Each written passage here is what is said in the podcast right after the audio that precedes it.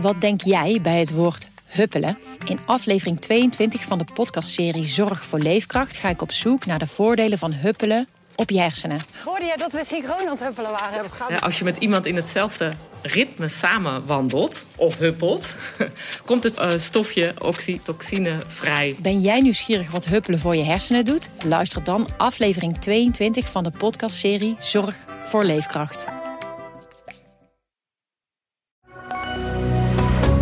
Goedendag, dit is het nieuwsoverzicht van de Stentor.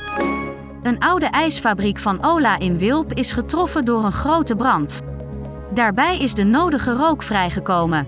De brandweer kwam met groot materieel ter plaatse, waaronder vier blusvoertuigen, een hoogwerker en een extra watertransport. Over de oorzaak van de brand is nog niks bekend.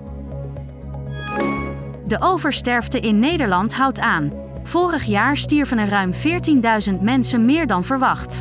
Vooral in Flevoland en Drenthe was de oversterfte hoog. Ook in Gelderland en Overijssel zijn de cijfers relatief hoog vergeleken met andere provincies. Een sluitende verklaring is er volgens het CBS niet, maar corona speelt volgens hen nog steeds een rol. Bij een steekincident in een woning in Epe is vanochtend vroeg een man gewond geraakt. Het slachtoffer zou steekwonden in zijn hals en borst hebben opgelopen en is naar het ziekenhuis gebracht. Een aantal uren na het incident was er voor zover bekend nog geen verdachte aangehouden. De politie doet onderzoek. De Tweede Kamer vreest dat het landbouwakkoord tussen de overheid en de agrarische sector in gevaar komt door het optreden van minister Piet Adema.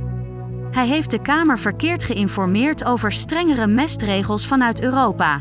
Tweede Kamerleden spreken van een beschamend optreden van de minister en willen dat hij daarvoor excuses maakt. En woede bij een vrouw uit Apeldoorn die een groepje mannen voor het huis van haar ouders zag staan en hen via een deurbelcamera hoorde spreken over een beroving.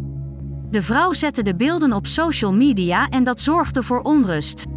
Het blijkt te gaan om collectanten van Vluchtelingenwerk Nederland. De organisatie spreekt van een domme grap en heeft excuses aangeboden. Tot zover het nieuwsoverzicht van de Stentor. Wil je meer weten? Ga dan naar de stentor.nl.